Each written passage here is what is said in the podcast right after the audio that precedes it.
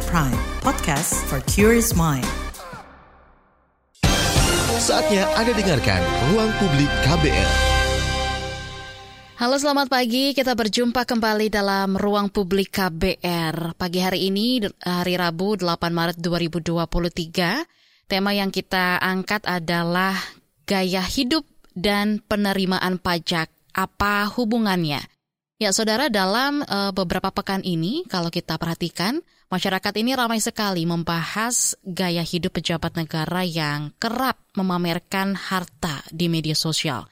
Dan ini nggak hanya dilakukan para pejabat, tapi keluarga mereka juga. Lalu Presiden Joko Widodo juga ikut menanggapi fenomena ini. Ia mengingatkan kepada semua abdi negara untuk tidak pamer kekuasaan dan kekayaan, Terlebih lagi jika pamer kekayaan tersebut dilakukan melalui media sosial atau medsos ya. Nah, situasi ini jadi memicu narasi ketidakpercayaan publik nih atas disiplin membayar pajak bagi negara. Lalu seperti apa pengaruh gaya hidup ini pada penerimaan pajak? Dan kita akan bahas bersama-sama di ruang publik KBR. Ada kedua narasumber kita pagi hari ini. Ada Bang Enda Nasution, pengamat media sosial. Selamat pagi Bang Enda. Selamat pagi Naomi. Iya. Baik, Bang Enda juga ya. Thank you sudah hadir di ruang publik KBR pagi hari ini dan juga ada Bang Ruben Huta Barat, Direktur Eksekutif Center for Indonesia Taxation Analysis CITA. Selamat pagi Bang Ruben. Terima kasih sudah hadir di ruang publik KBR pagi hari ini. Nah, kita mungkin uh, mau uh, ke Bang Enda dulu gitu ya. Bang Enda, uh, media sosial ini, fungsi media sosial ini sebenarnya kan banyak banget ya Bang ya. Tapi kan yang lagi ramai saat ini yang dibahas adalah medsos ini jadi tempat pamer kekayaan dan juga gaya hidup mewah. Apakah ya. uh, fenomena pamer kekayaan di medsos ini memang sudah terjadi pada saat uh, medsos ini muncul atau seperti apa Bang Enda? Ya, kalau soal pamer, saya suka mengutip ada kata-kata teman baik saya, dia bilang sebenarnya memang media sosial itu tempatnya pamer gitu ya. Cuman yang membedakan adalah senora apa kita pamernya gitu bukan hanya pamer kekayaan tapi juga pamer kebahagiaan kadang-kadang hmm. gitu kan hmm. pamer uh, apa betapa indahnya hidup kita gitu pamer juga apa begitu cintanya kita sama pasangan kita gitu jadi memang hmm. to to all degrees gitu memang selain kita gunakan untuk berkomunikasi berinteraksi berbagi tapi ya dalam semua bentuknya sebenarnya kita ingin menunjukkan kan siapa diri kita gitu jadi dalam konteks pamer ya memang media sosial tempatnya pamer gitu. Cuman dalam konteks hmm. bahwa pamer kekayaan ya tergantung apakah kekayaannya itu dapat dari halal hasil kerjanya sendiri atau dapat dari mana kan pertanyaannya itu gitu ya. Hmm. Nah ini kan yang lagi ramai gitu ya Bang Enda, pejabat negara dan juga keluarganya pamer barang-barang mewah nih di medsos. Uh, seperti apa Anda melihat fenomena pamer kekayaan ini dengan uh, pejabat negara kita? Nah, yang pertama mungkin yang menarik adalah bahwa media sosial ini eh, apa namanya menjadi etalase diri kita, tapi punya konsekuensi bukan hanya pada diri kita, tapi pada orang sekeliling kita. Jadi eh, pernah ada kasus misalnya eh, seorang militer gitu ya, ya. waktu itu ada kasus penusukan eh, Jenderal uh, Wiranto kalau nggak salah tahun 2000 berapa ya, 2018 beberapa tahun lalu, ya. gitu. Uh -huh. Lalu dikomentari oleh uh, bukan jabat bukan anggota militer tapi istri dari seorang anggota militer aktif ya di karena waktu itu konteksnya politik jadi hmm. dinyinyirin lah gitu. Dan mungkin karena uh, anggota militer punya kode etik yang lebih kuat harus menghormati atasan dan tidak boleh harus netral dan lain sebagainya. Yang kena sanksi adalah uh, suaminya gitu ya dipindahkan hmm. jabatannya. Nah ini menunjukkan bahwa sebenarnya bukan saja kita atau siapa pun yang menjadi seorang pejabat publik atau posisinya sebagai ASN misalnya, tapi uh, apa yang dipostingkan, apa hmm. yang perilaku lain ya, yeah. mungkin berkata tidak sopan atau misalnya menyerang seseorang atau hal-hal yang sifatnya tidak tidak baik dipandang oleh masyarakat tidak dilakukan oleh kita sebagai pejabat publik atau sebagai ASN atau sebagai siapa pun, hmm. tapi dilakukan oleh orang terdekat kita, misalnya oleh anak kita, oleh istri kita, misalnya hmm. pasangan kita, itu malah bisa kena juga konsekuensinya. Jadi dalam hal ini memang uh, satu itu ya bahwa konsekuensinya tidak harus dilakukan atau uh, apa tindakan yang tidak pantas dilakukan di media sosial hmm. itu bisa kena bukan hanya ke dirinya tapi bahkan orang di sekelilingnya. Yang kedua memang uh, nah ini juga menarik bahwa sebenarnya kalau seorang dalam tanda kutip katakanlah ya. tertuduh koruptor gitu ya atau melakukan penggelapan pajak atau apa pun gitu ya uh, yang yang cerdas yang yang bahkan menggunakan media sosial dengan baik justru justru dia tidak memamerkan uh, kekayaannya di media sosial gitu ya. Yeah. Jadi yang mereka kalau mereka ngerti tentang media sosial justru mereka tidak memamerkan kekayaannya. Kenapa? Karena buat apa juga justru malah jadi masalah kan. Bukan hanya yang pejabat pajak tapi juga yang pejabat bea cukai misalnya. Kalau hmm. dia ngerti tentu dia tidak mau memamerkan gitu. Tapi justru malah yeah. karena mungkin nggak ngerti atau disangkanya baik-baik aja dan mungkin tidak bijak menggunakan media sosial, malah justru dia pamerin dan malah akhirnya hmm. jadi kena uh, apa kena masalah. Salah satunya juga karena diviralkan oleh netizen-netizen yang melihat ini sebagai sesuatu yang tidak wajar gitu. Jadi itu lebih ke konsekuensi apa yang kita posting itu sama diri kita sendiri gitu ya Bang Enda ya? Baik. Bukan hanya diri kita sendiri justru malah dan orang, orang sekitar kita juga kita, ya, betul. Ya, betul. Bang Ruben, ini uh, gara-gara ya. ramai berita sosial, uh, berita soal pejabat pamer barang mewah nih Bang, ada keengganan juga uh, masyarakat yang katanya untuk membayar pajak. Nah, Bang Ruben ini uh, di salah satu wawancara juga sempat bilang gitu ya, tindakan tersebut merupakan sesuatu yang keliru dan justru malah merugikan masyarakat dan negara. Mengapa Bang? Ya, memang betul tindakan atau ajakan untuk tidak membayar pajak atau menghindari membayar pajak memang akan merugikan masyarakat karena yang harus disadari adalah uang yang dikumpul uang pajak yang dikumpulkan oleh otoritas dari masyarakat pada akhirnya kan akan dikembalikan juga kepada masyarakat dalam bentuk pembangunan dan juga dalam bentuk untuk uh, membantu saudara-saudara kita yang kurang mampu dalam bentuk bantuan sosial dan subsidi. Jadi bisa dibayangkan kalau akan uh, tidak membayar atau menghindari membayar pajak itu uh, dilakukan dengan sendirinya akan ada pengurangan atas uang pajak yang bisa dikumpulkan oleh pemerintah dari masyarakat yang berakhir kepada berkurangnya juga uang yang bisa diredistribusi kepada masyarakat. Demikian. Um, jadi tentu saja hasil akhirnya ya masyarakat juga yang dirugikan kan begitu. Lalu gerakan untuk stop bayar pajak yang lagi ramai ini akan berjalan seperti apa, uh, Bang Ruben? Apa pemerintah perlu ngambil langkah gitu supaya gerakan ini akhirnya nggak terlaksana? Respons hmm. reaksi seperti ini dari masyarakat sebenarnya reaksi yang alamiah sekali ya, dan juga uh, reaksi yang banyak terjadi uh, dalam kurun-kurun waktu belakang ketika wajib pajak atau masyarakat ini melihat uh, adanya tindakan-tindakan dari aparat uh, aparat pajak yang menurunkan kepercayaan kepada uh, masyarakat ya. Hmm. Jadi tingkat kepatuhan masyarakat pembayar pajak ini kan ditopang oleh penegakan hukum oleh otoritas, yang kedua ditopang oleh adanya kepercayaan masyarakat kepada otoritas pajak yang berkualitas sebetulnya hmm. apabila apabila uh, kepatuhan ini ditopang oleh adanya uh, kepercayaan masyarakat kepada otoritas pajak sehingga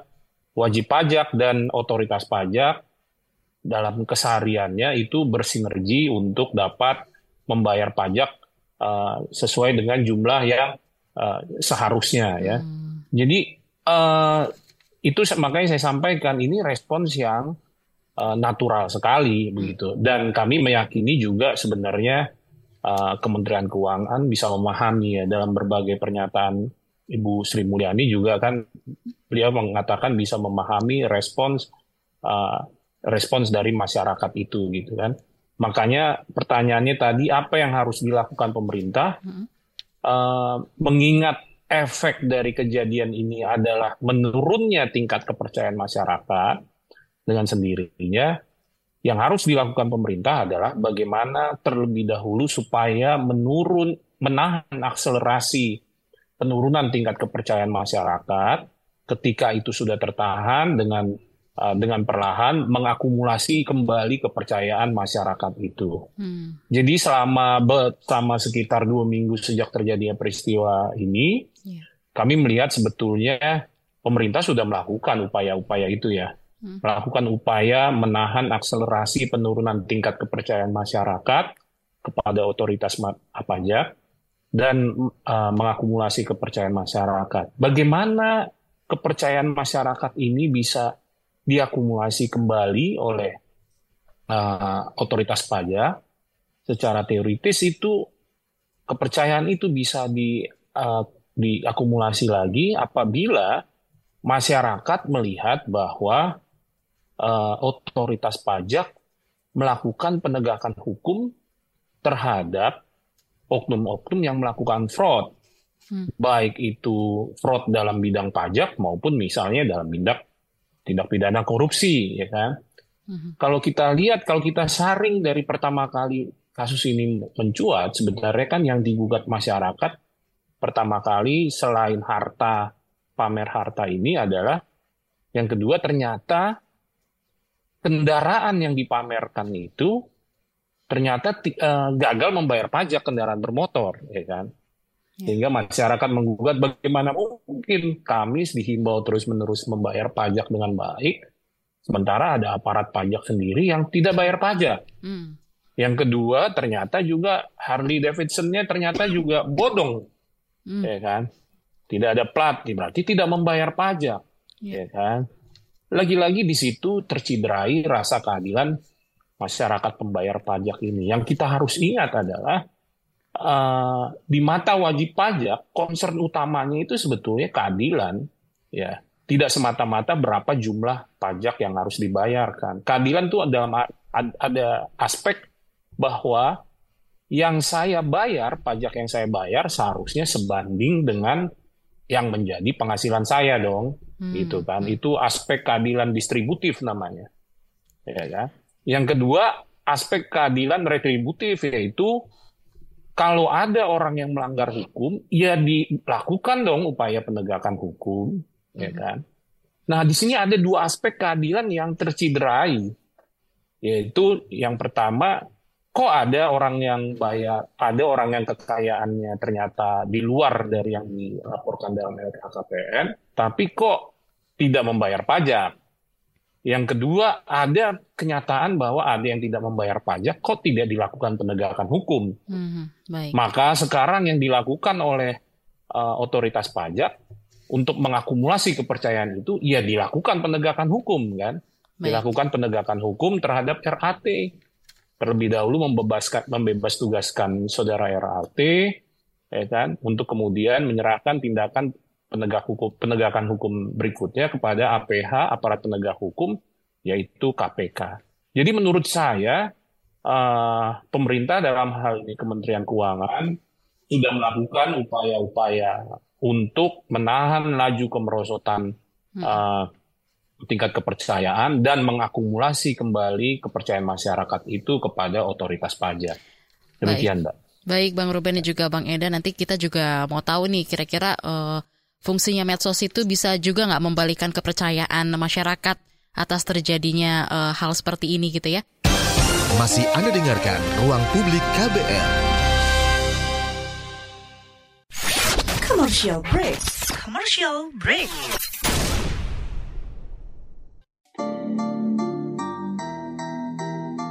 Come on yo. Buat yang sukanya berhoax, you better listen to this one. Check this one out yo. Hati-hati kalau baca kabar. Hoax. Jangan langsung disebar kabar yang Hoax. Kalau mau tahu kabar benar atau Hoax. Dengerin cek fakta yang pasti bukan Hoax Dengerinnya setiap Senin yang jelas bukan Hoax Cuma ada di kbrprime.id Dan aplikasi podcast lainnya Hoax Sudah cukup-cukup hoaxnya? Hoax Cukup Jaga emosi, tahan jari, verifikasi sebelum dibagi. Saya Aribo Sasmito, Ketua Komite Pemeriksa Fakta Mafindo. KBR Prime, podcast for curious mind. Masih Anda dengarkan Ruang Publik KBR. Masih bersama dengan kedua narasumber kita, pengamat media sosial ada Bang Enda dan juga dari Cita ada Bang Ruben. Bang Ruben juga Bang Enda, nah sekarang aku mungkin ke Bang Enda dulu ya. Bang Enda ini terkait pamer kekayaan di medsos ini kan uh, yang tadinya itu bisa menyebabkan kepercayaan masyarakat jadi menurun gitu ya terhadap pejabat kita. Apakah lewat si medsos ini juga nantinya bisa diraih kembali nih kepercayaan masyarakat? Gimana cara bisa memanfaatkan medsos untuk tujuan ini nih? Bahasanya mungkin pencitraan gak sih Bang? Atau seperti apa menurut Anda? Sebenarnya kalau menurut saya sih satu-satunya cara kalau untuk mendapatkan kepercayaan masyarakat lagi ya memang harus ada tindakan yang nyata ya hmm. gitu. Pertama memang ada tindakan tadi kan disebutkan mencederai rasa keadilan kita sebagai masyarakat yang sudah bayar pajak tapi malah pejabatnya tidak bayar pajak ya memang harus ada penindakan-penindakan lain yang serius gitu. Mm-hmm. Uh, saya sih apresiasi ya Bu Sri Mulyani juga tindakannya cepat gitu kan. Ada pejabat yang dicopot, pamer juga yang di bea cukai lalu mm-hmm. dicopot gitu ya. Lalu kemudian yang ada klub moge juga kemudian dibubarkan gitu kayak. Tapi mungkin yang cepatnya ini juga nggak cuma sekedar di permukaan mm. gitu harus harus terus jadi apa namanya jadi sebuah tindakan kegiatan apa aksi-aksi penindakan lain ya karena kan sepengetahuan saya sebenarnya pengawasan dan apa namanya pemeriksaan secara internal itu juga berlapis ya di berbagai kementerian lembaga gitu. Ada inspektorat, ada ada atasan yang mengawasi secara langsung gitu. Jadi dan yang dilaporkan di LHKPN ini kan yang dilaporkan secara secara sukarela gitu ya. Hmm. E, itu aja sudah menimbulkan kecurigaan gitu. Padahal kita tahu mungkin tidak semua juga dilaporkan gitu. Jadi minimal yang dilaporkan dulu aja kita bisa dan mungkin ini peran netizen juga ya untuk yeah. kemudian kalau saya sekarang uh, ada waktu dan ini uh, netizen mau mencoba untuk membantu gitu ya hmm. uh, bukan hanya di Kementerian Keuangan tapi di semua kementerian lembaga termasuk di daerah juga kalau hmm kalau memang mau kita urutin aja nih top 10 pejabat yang paling kaya berdasarkan LHKPN-nya bukan hanya sekedar capres yang ditunjukin yeah. ya.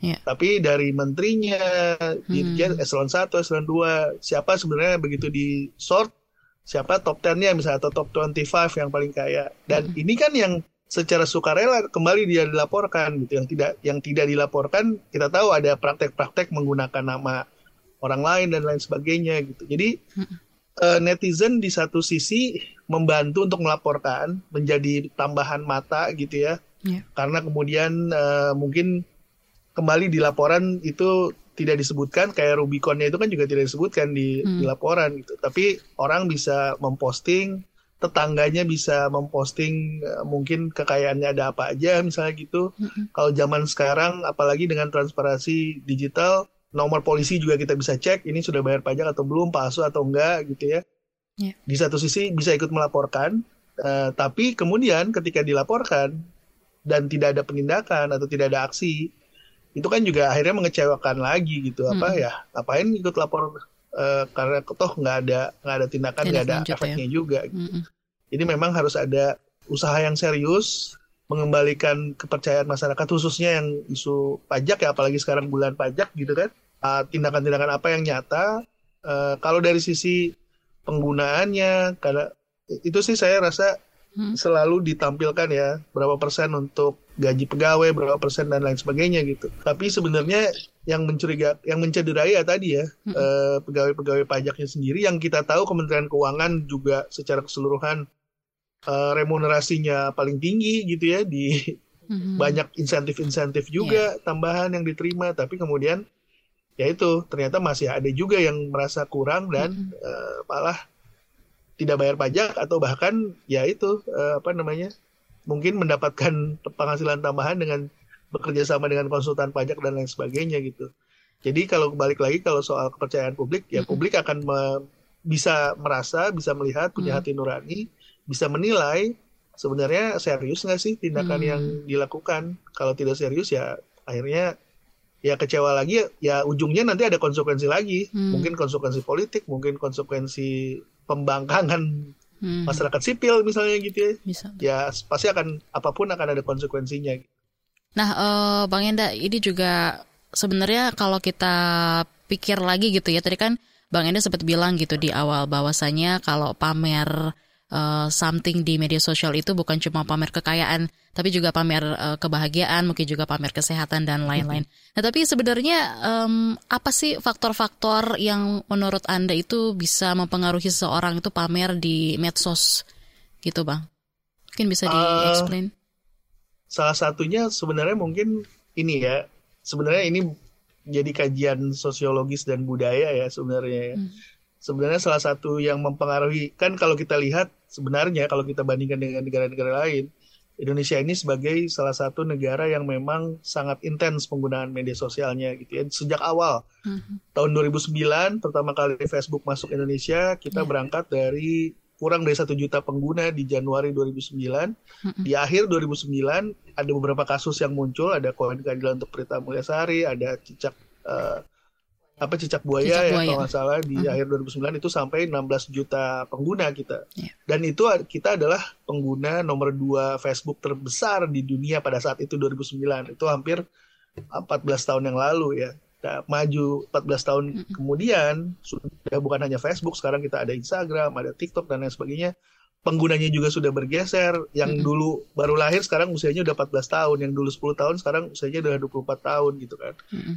Jadi eh, itu biasanya terjawab ketika kita menganalisa masyarakat Indonesia sebagai masyarakat yang bukan hanya komunal tapi juga hierarkis ya. Jadi kita tuh ke apa namanya ikatan komunalnya itu kuat gitu. Mm. Kita sendiri adalah bagian dari berbagai uh, komunitas dalam tanda kutip keluar, uh, anggota grup-grup gitu ya. Ada grup keluarga, grup kantor, grup uh, alumni, grup olahraga, grup keagamaan dan lain sebagainya gitu. Mm. Nah untuk berada di masing-masing grup itu kita biasanya mengeluarkan sinyal-sinyal saya itu uh, secara hierarkis kita tuh ada di mana dalam grup itu gitu. Okay Nah kalau dulu belum ada media sosial itu kita tunjukkan dengan simbol-simbol yang kelihatan oleh orang lain. Mm-hmm. Misalnya kita pakai cincin ali itu sebagai simbol atau tanda kode gitu ya bahwa oh kita satu frekuensi nih. Kalau misalnya saya pakai baju tertentu misalnya itu saya menampilkan sebuah kode bahwa saya ini masuk dalam grup ini gitu ya. Saya itu siapa. Mm-hmm. Begitu juga dengan misalnya saya pakai jenggot atau macam-macam lah gitu. Baik. Nah, hal yang sama juga kita lakukan di media sosial. Hmm. Jadi kalau misalnya kita memamerkan, oh saya saya postingnya tuh golf terus, hmm. oh berarti saya di di kelas itu pamer, saya pamer untuk menunjukkan saya ini siapa dan saya tuh masuk dalam grup mana gitu. Baik. Begitu juga e, berbagai hal yang kita pamerin ya, kita suka lari, kita suka hidup hmm. sehat, kita suka musik, kita suka hmm. nonton film, itu kan semua adalah pamer dalam dalam arti kita mengirimkan isyarat dan kode ke lingkungan kita kita itu siapa gitu. Jadi identitas kita dibangun dari apa yang orang lihat. Nah, mm -hmm. ada sebagian orang yang mungkin merasa bahwa saya tuh bukan siapa-siapa, saya harus pamer kekayaan saya. Misalnya saya harus foto dengan pejabat ya ada banyak teman-teman saya yang saya lihat hmm. suka pamer foto dengan pejabat-pejabat. Apa maksudnya juga saya nggak ngerti. Atau mungkin foto traveling foto di pesawat di bisnis class gitu atau foto dengan mobilnya foto lagi naik motor besar. Ya mungkin sebagian dari hobi ya. Yeah. dan kembali tidak melanggar hukum. Ini semua tindakan yang tidak melanggar hukum. Pamer itu juga tidak melanggar hukum cuman mungkin ada kode-kode sosial yang Baik. sering kali ini ya apa namanya dilanggar Baik, pada uh, silahkan aja sih kalau mau mm -hmm. pamer tinggal masalahnya jangan tidak jangan terlalu sering aja gitu misalnya apa kalau terlalu sering akhirnya kita jadi Baik. suka kebablasan akhirnya di unfriend deh sama temannya atau di unfollow sama temannya atau di hide ya bang Enda ya. Atau di blog mungkin. Oke okay, baik. Nah ini uh, kalau kita ke bang Ruben lagi nih bang Ruben. Tadi kan uh, yeah. dibilang juga sama si bang Enda sebenarnya pamer itu nggak salah asalkan juga tahu porsinya. Nah kalau uh, banyak orang pamer khususnya barang-barang mewah gitu ya bang Ruben di media sosial hmm. seperti apa sih ini hubungannya dengan penerimaan pajak negara fenomena pamer barang mewah di media sosial ini sebetulnya uh, tidak memberikan dampak signifikan kepada penerimaan pajak negara ya. Karena pajak uh, sistem pemajakan kita sendiri otoritas pajak sendiri sudah didukung oleh uh, database maupun pengumpulan informasi yang secara masif sudah cukup uh, sudah cukup banyak dilakukan oleh otoritas pajak yang melibatkan berbagai otoritas lainnya baik dalam dan uh, luar negeri ya. Apalagi sejak adanya uh, exchange of information, automatic exchange of information dengan 100 lebih negara di dunia ya. Jadi sebenarnya otoritas pajak Indonesia sudah memiliki database yang berlimpah atas basis pemajakan yang dimiliki oleh wajib pajak di Indonesia. Jadi sebenarnya uh, kalaupun ada orang yang pamer barang mewah di media sosial itu hanya sebenarnya hanya pelengkap kecil saja bagi otoritas pajak yang mungkin kalau uh, beritanya menjadi sangat viral uh, secara internal otoritas pajak bisa mencek langsung ya apakah yang dipamerkan itu uh, sudah dilaporkan dalam SPT atau tidak gitu ya. Ya, tapi untuk menjawab pertanyaan tadi hub- hubungannya sih tidak signifikan ya, cuma pelengkap informasi yang sifatnya sangat minor ya. Baik Bang Ruben dan juga Bang Enda, ini tadi sudah ada juga Ya. penelpon yang ingin ikut berpartisipasi memberikan pertanyaannya dan juga ada beberapa pesan singkat WhatsApp dan juga komentar yang akan kita bacakan. Tetaplah di Ruang Publik KBR. Masih Anda dengarkan Ruang Publik KBR. Yuk follow social media KBR. Twitter at Berita KBR, Instagram at KBR.id, Youtube Berita KBR. Masih Anda dengarkan Ruang Publik KBR. Sudah tersambung di line telepon ada Ibu Tri di Jakarta. Selamat pagi Ibu Tri. Ya, halo, selamat pagi. Baik, silakan dengan pertanyaannya Ibu. Iya, saya mau tanya sama Pak Ruben ya, Eh, terkait pajak ini Pak, apakah eh, kan lagi ramai ini kan karena eh, orang jadi males bayar pajak karena pamer-pamer di sosmed itu ya Pak ya. Apakah sebelum ini juga ada gerakan gitu Pak yang eh, kayak masyarakat menolak eh, pembayaran pajak gitu itu karena apa ya Pak ya kalau pernah ada. Nah yang kedua eh, bulan Maret ini kan eh, kita pegawai kan eh, harus me- melaporkan pajak ya Pak ya. Apakah ketika tidak melaporkan sama tidak membayar pajak itu konsekuensinya eh, sama saja atau bagaimana Pak? Itu saja. Terima kasih. Baik, terima kasih Ibu Tri di Jakarta. Silakan Pak Ruben bisa ditanggapi. Yang pertama mengenai fenomena Mhm. Boykot pajak ini ya katakan ya. Sebetulnya kan fenomena ini bukan fenomena yang terjadi di Indonesia ya. Iya. Jadi sejak uh, diperkenalkannya cara redistribusi kekayaan melalui pemungutan pajak, awalnya di Eropa ya pada abad sekitar abad 17 dimulai, itu sudah banyak terjadi uh, gerakan-gerakan boykot pajak ya Uh, di Indonesia juga demikian. Uh, namun terutama kenapa hal ini terjadi yang menjadi penyebab utamanya selalu terciderainya rasa keadilan di mata masyarakat pembayar pajak.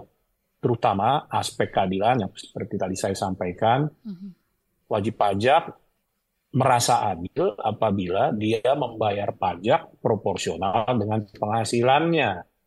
Tidak dikenakan pajak yang tidak seharusnya. Yang kedua, juga apabila kalau memang ada wajib pajak yang tidak membayar pajak, ya dilakukan penegakan hukum dong, seperti itu. Jadi em, kejadian-kejadian boikot pajak ini selalu dilak- eh, selalu dimulai dari adanya fenomena seperti itu. Jadi bukan fenomena baru dan bukan fenomena yang hanya terjadi di Indonesia saja, gitu. Jadi eh, seharusnya memang em, a- alasannya sih tidak jauh-jauh dari itu, gitu. Nah, yang kedua eh, mengenai pembayaran pajak dan pelaporan. Memang undang-undang ketentuan umum perpajakan yang berlaku sekarang ini membedakan antara pembayaran pajak dan pelaporan pajak. Tentu banyak yang saya tangkap juga di eh, dari halayak umum yang menanyakan penghasilan kami kan sudah dipotong oleh pemberi kerja. Terus kenapa kami harus direpotkan lagi dengan pelaporannya seperti itu kan.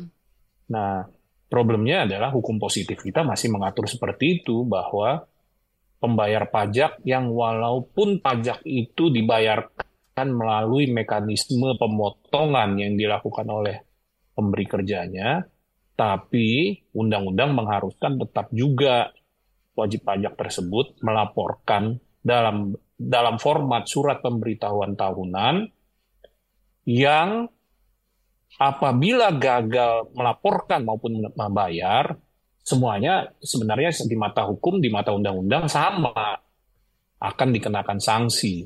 Mm-hmm. Yang apabila sanksi itu yang apabila otoritas pajak melihat bahwa gagalnya menyampaikan laporan uh, gagal yang menyampaikan surat pemberitahuan tahunan atau gagal yang membayar pajak yang seharusnya dibayarkan itu dilakukan secara tidak sengaja itu sanksinya berupa sanksi administratif yang bersifat denda membayar mhm. sejumlah tertentu ya. Kalau SPT misalnya kalau telat nanti 31 Maret SPT orang pribadi gagal laporkan dengan benar, misalnya itu sanksinya adalah eh, satu uh, juta begitu kan. Sanksinya bersifat uang. Tapi kalau otoritas pajak melihat bahwa gagalnya penyampaian laporan ini karena adanya kesengajaan, hmm Nah, di situ otoritas pajak bisa mengenakan sanksi pidana sudah berangkat dari sanksi administratif gitu.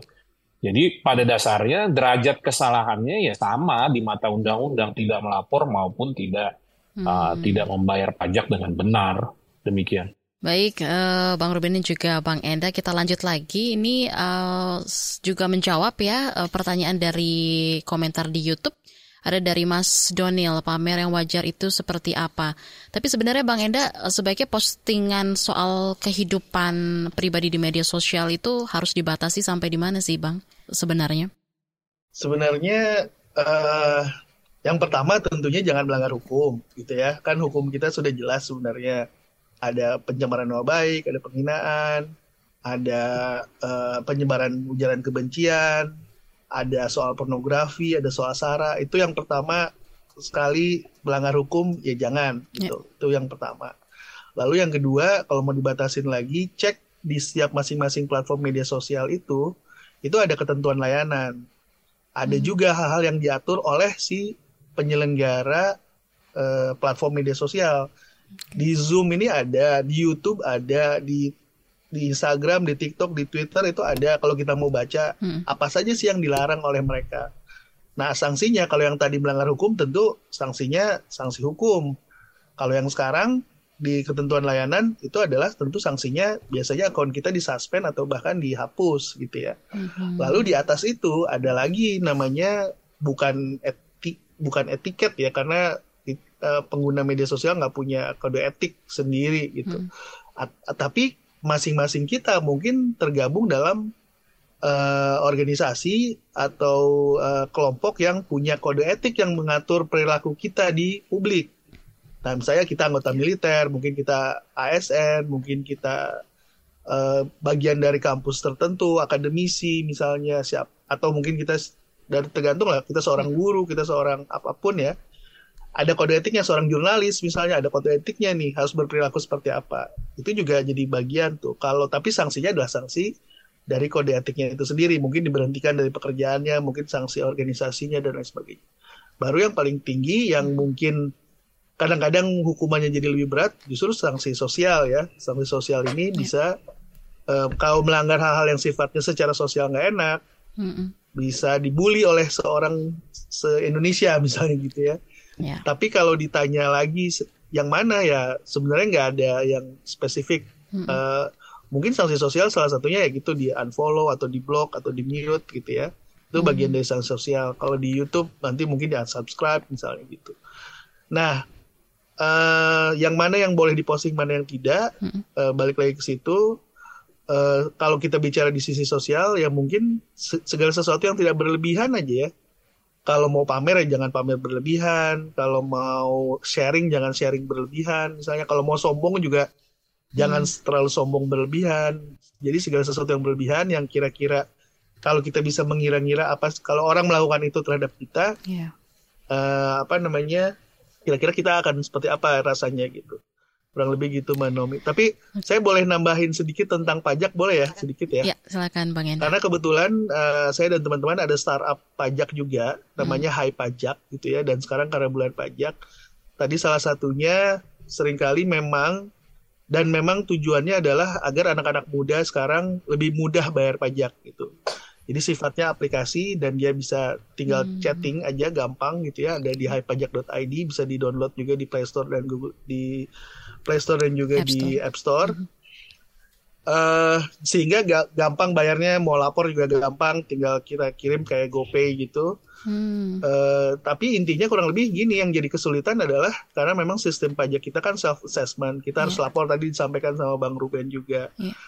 nah da- tapi dal- de- memasuki generasi digital sekarang sering kali kita tidak lagi hanya punya satu sumber income. Kalau dulu zaman saya mulai bekerja, saya sebagai karyawan, saya cuma punya gaji dari dari kantor saya, tinggal dipotong pajak, Mm-mm. selesai. Walaupun saya tetap harus lapor lagi. Hmm. Tapi dengan kehadiran teknologi digital ini, masing-masing kita nih ada satu generasi baru yang punya banyak penghasilan, income-nya ada berbagai gitu ya. Mungkin dia kerja lepasan, mungkin dia jadi youtuber, mungkin dia jadi selebgram. Hmm. Selain mungkin dia masih terima juga gaji dari perusahaannya. Nah, jadi nggak bisa lagi hanya cuma sekedar bukti potong pajak dari perusahaan, tapi dia juga harus kembali menghitung berbagai penghasilannya dia, termasuk UMKM yang sekarang buka lapak di Tokopedia, di e-commerce dan lain-lain gitu ya. Nah ini kan menambah lagi ke kompleksitas dan kerumitan. Nah kalau harus bayar konsultan pajak biasanya biayanya lumayan sehingga dia harus mungkin harus perusahaan yang sudah agak besar gitu. Tapi kalau saya individu saya harus cari ke mana nah? Mm-mm. Di situlah datang uh, untuk menjawab kebutuhan itu kita ada startup namanya Hai Pajak dan itu untuk memudahkan kita menghitung, mengakses dan melaporkan uh, berapa yang harus kita bayar kalau perlu atau berapa yang cukup kita laporkan aja gitu. Jadi Hmm. apa ya namanya uh, dengan teknologi digital ini juga sebenarnya ada banyak uh, apa bantuan-bantuan kalau kita tahu ya cara carinya gimana supaya kemudian kita nggak usah terlalu pusing-pusing lagi uh, merasa terlalu rumit untuk bayar pajak tadi. Kalau memang kita uh, tentunya masih harus pengen lapor dan bayar pajak karena itu bagian dari kontribusi kita hidup bersama di negara ini. Baik. Nanti kita akan lanjutkan kembali eh, Bang Enda dan juga Bang Ruben obrolan kita dan juga akan menjawab beberapa pertanyaan yang sudah masuk. Tetaplah di ruang publik KBR. Masih Anda dengarkan Ruang Publik KBR. Commercial break. Commercial break.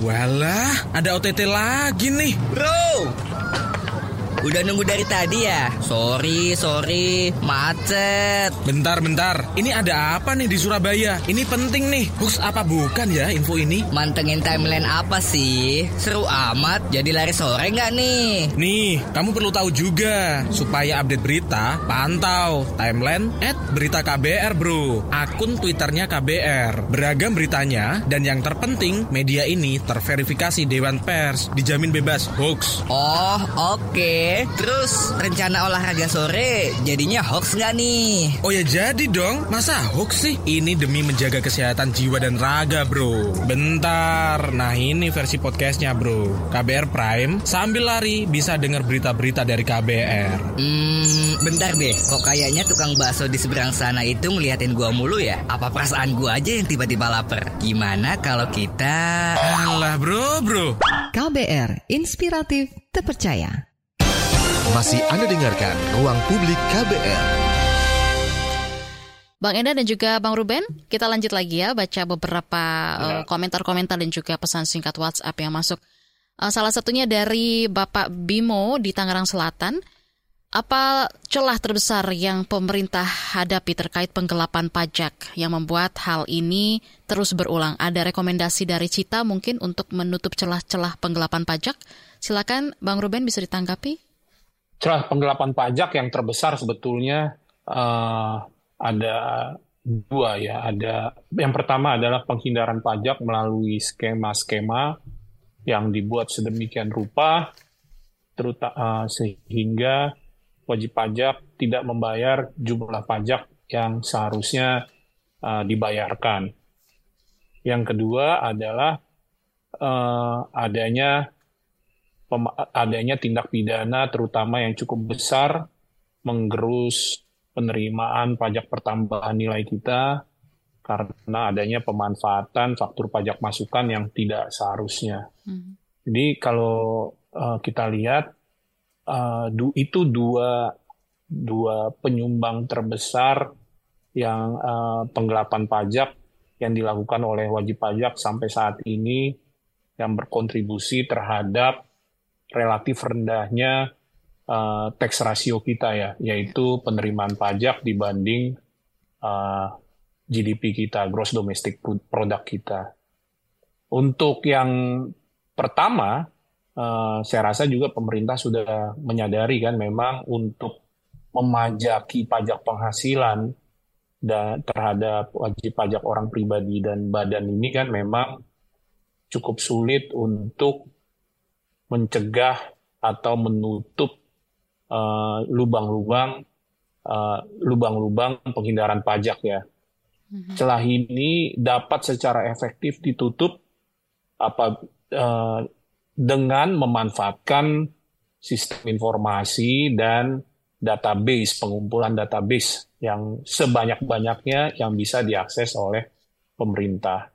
Kalau hanya memanfaatkan pemeriksaan secara konvensional, yaitu hmm. otoritas pajak memeriksa wajib pajak, akan sulit sekali ya. Pertama juga sumber daya tidak akan sumber daya manusia di Dijen Pajak tidak akan mencukupi untuk melakukan upaya penegakan hukum yang masif ya. Hmm. Karena yang harus diingat sampai sekarang pun uh, rasio wajib pajak yang diperiksa terhadap total wajib pajak itu masih sangat rendah, hanya sekitar 2% ya. Nah, jadi kalau mau melakukan upaya masif penegakan hukum juga akan kesulitan sumber daya manusia. Di satu hmm. sisi juga sebetulnya penegakan hukum juga yang masif juga bisa menjadi bumerang juga karena wajib pajak melihat upaya penegakan hukum yang masif bisa dilihat sebagai sinyal kurangnya kepercayaan kurangnya kepercayaan otoritas pajak kepada masyarakat, kepada masyarakat wajib pajak. Yang harus kita ingat bahwa wajib pajak dan otoritas pajak ini tidak berada dalam ruang hampa. Mereka saling mengamati perilakunya masing-masing ketika wajib pajak melihat otoritas pajak banyak melakukan penegakan hukum itu merupakan sinyal ketidakpercayaan kepada mereka yang bisa justru menjadi uh, kontraproduktif. Maka uh, alih-alih penegakan hukum, saran kami sebenarnya uh, pengumpulan database yang sebesar-besarnya dan memanfaatkan ya, inform, uh, teknologi informasi. Demikian, uh, Mbak Naomi. Baik, terima kasih Bang Ruben untuk penjelasannya. Mudah-mudahan terjawab juga untuk Anda ya. yang juga ingin bertanya seperti itu, sudah terwakili ya. Uh, kita baca lagi WhatsApp yang sudah masuk dari Ibu Bella di Lampung. Saya juga kesal dengan kasus baru-baru ini, tapi dengan mereka pamer itulah jadi terungkap bahwa mereka tidak membayar pajak. Mengurangi pejabat yang korupsi, tapi juga menandakan pejabat masih ada yang bebas tidak bayar pajak dong. Mungkin tanggapan dari Bang Enda, silakan Bang Enda.